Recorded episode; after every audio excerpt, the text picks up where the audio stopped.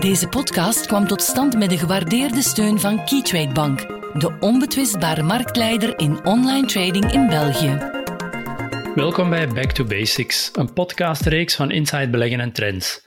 Ik ben Jeff Poortmans, redacteur bij Trends, en samen met Danny Reewegs van Inside Beleggen overlopen we in de reeks een aantal basisconcepten rond waardering en financiële analyse, waar elke beginnende en ervaren belegger iets van opsteekt, hopelijk. Elke aflevering nemen we zo een financiële parameter erbij, uh, vertellen we wat die betekent, hoe je die kunt gebruiken en wat de eventuele valkuilen zijn.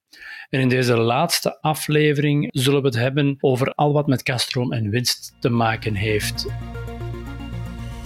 je hoort wel vaak dat beleggen enkel en alleen draait om winsten. Uh, zowel winsten op je beleggingen, maar ook uh, winsten die de bedrijven waarin je belegt moeten halen. Vanwaar die focus en is dat volgens jou een goede zaak? Ja, ik ga zeker niet zeggen dat winst onbelangrijk is. Dat zou een beetje belachelijk zijn. Maar inderdaad, we hebben aan de ene kant, wij hebben, we zitten allemaal op de beurs om koerswinsten te realiseren. 10 aan 10 kopen en liefst aan 20 of aan 30 uh, terug verkopen. En we hebben al in de eerste aflevering van deze reeks uh, Back to Basics gezegd, ja, uh, sta u niet alleen maar blind op die winst, uh, op die koers-winstverhouding, wat nog altijd de meest populaire ratio is. En als er iets is, hopelijk dat we de mensen hebben kunnen leren met deze reeks, is van daar alleen niet op te gaan, zich gaan blind staren. Winst is belangrijk, maar er zijn andere dingen misschien nog belangrijker, bijvoorbeeld zoals de kaststromen. Ja, dat hoor je ook vaak. Hè. Free cashflow uh, of de kaststromen en vrije kaststroom is ook zeker iets waar je rekening uh, mee moet houden. Waarom zijn die zo belangrijk, de, de kaststromen?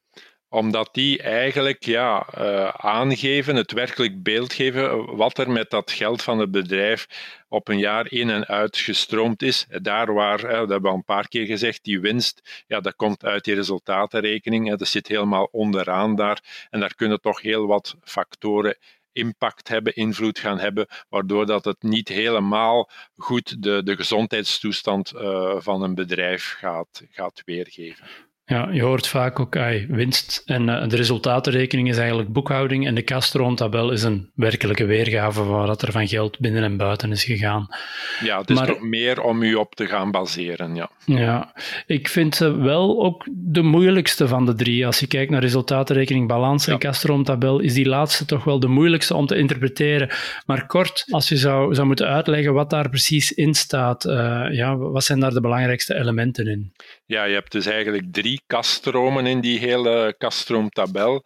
Eerst is denk ik de belangrijkste, dat is de kaststroom uit operationele activiteit, omdat die aangeeft ja, wat met de klassieke, gewone bedrijfsvoering, welk geld daar binnen en buiten is gegaan. Daarnaast heb je de kaststroom uit investeringen. De, de investeringen, is ook nodig om te doen. Hè. Daar hebben we vooral in de vorige aflevering het over gehad. En tenslotte is er nog de kaststroom uit financiële activiteiten. Er zijn altijd financiële inkomsten, maar ook uitgaven, zoals uh, interest op leningen en dividenden. Maar ja, die uh, kaststroom uit operationele activiteiten, dat vind ik toch wel een heel belangrijke. Uit die kaststroomtabel, daar kun je dan de zogenaamde vrije kaststroom of de free cashflow uit ja. destilleren, als het ware. Maar ja, hoe, hoe doe je dat en waarom is het belangrijk om die toch ook voor, uh, voor ogen te hebben als belegger? Ja, dus uh, daar moeten we de kaststroom uit die operationele activiteiten, daar moeten we de onderhoudsinvesteringen gaan van aftrekken. Dat zijn de activiteiten, uh, dus dat zijn de investeringen die nodig zijn om de activiteiten op peil te houden. En, en, tegenover dan groeiinvesteringen, de activiteiten uh, om die te kunnen uitbreiden, dat zijn dan de tweede soort investeringen. Als we dan die uh, kaststroom uit operationele activiteit, als we daar die onderhoudsinvesteringen gaan van aftrekken, dan hebben we het vrij beschikbare deel uh, van, aan ja. geld hè, dat het bedrijf heeft. Wat kan je er allemaal mee doen? Daarmee kan je je aandeelhouders gaan verwennen, hè, bijvoorbeeld eigen aandelen gaan inkopen of dividenden gaan uitkeren. Daarmee kan je schulden gaan aflossen en daarmee kan je ook gaan investeren in toekomstige groei. En een gezond uh, beleid is natuurlijk van een bedrijf is om aan elk van die categorieën om daar aandacht aan te besteden en zo gezond te kunnen groeien op lange termijn. Dus ik kan mij ook inbeelden dat hoe hoger die vrije kasstroom, uh, hoe beter eigenlijk voor beleggers en voor het bedrijf zelf.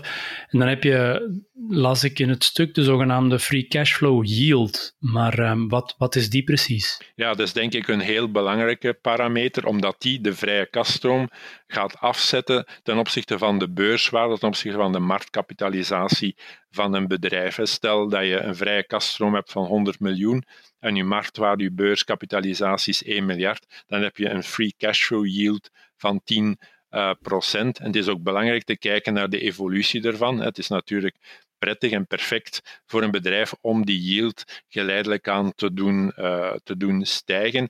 En studies hebben het ook aangetoond. Bedrijven met een hoge free cashflow yield zijn bedrijven die doorgaans beter presteren dan het uh, beursgemiddelde. Ja, en dan om nog even terug te komen op winst, want ja, vrije kaststroom is dus zeker niet te negeren, maar ja, winst heb je ook verschillende soorten van. Je hebt die netto-winst, en waar dan vaak de winst per aandeel wordt uit afgeleid, maar daarnaast heb je nog ook uh, allerlei andere soorten winsten die wel belangrijk lijken om, om rekening mee te houden. Um, welke hebben we het dan over?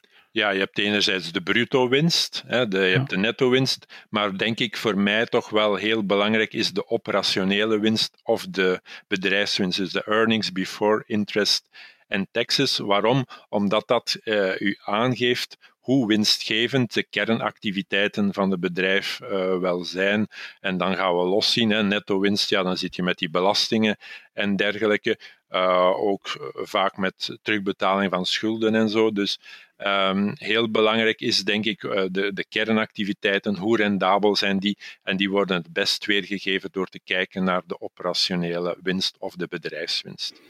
Ja, en ik vermoed dat die dan ook uh, handig zijn om te gebruiken om verschillende bedrijven binnen eenzelfde sector met elkaar te vergelijken. Ja, dat is ook belangrijk, hè, want um, hoe zit het met de operationele winst? Hoe evolueert die? Als we, uh, wat is daar de EBIT-marge? Uh, EBIT dus door dat te gaan mm -hmm. afzetten ten opzichte van de omzet. Ja, dat gaat u dan ook wel heel goed aangeven. Um, ja, binnen de sector is dat bedrijf een van de meest rendabel of niet. En dan mag het ook een hogere waardering krijgen uh, dan andere bedrijven, andere collega's uit de sector. Zeg, en los van die EBIT en de EBIT-marges, zijn er nog belangrijke rendementsgraadmeters uh, waarvan je vindt van die moet je toch wel zeker in je analyse meenemen of oog voor hebben? Ja, ik denk dat het ook belangrijk is om te zien, ja, dus uh, middelen die ingezet worden door een bedrijf, op wel, in welke mate gebeurt dat efficiënt, in welke mate is dat uh, rendabel gebeurd. En daar heb je, ah, sorry voor de luisteraars, we moeten weer met Engelse termen en met afkortingen komen. Uh, ROIC, hebben we het al vorige keer over gehad, hè, dus Return on Invested Capital, is zo'n ratio die het rendement op geïnvesteerd kapitaal gaat meten. Je hebt daar ook een collega, dat is de ROCE, dat is de Return on Capital Employed, dus of het rendement op ingezet kapitaal, maar beiden gaan kijken naar dus hoe efficiënt, hoe rendabel worden die middelen van het bedrijf ingezet.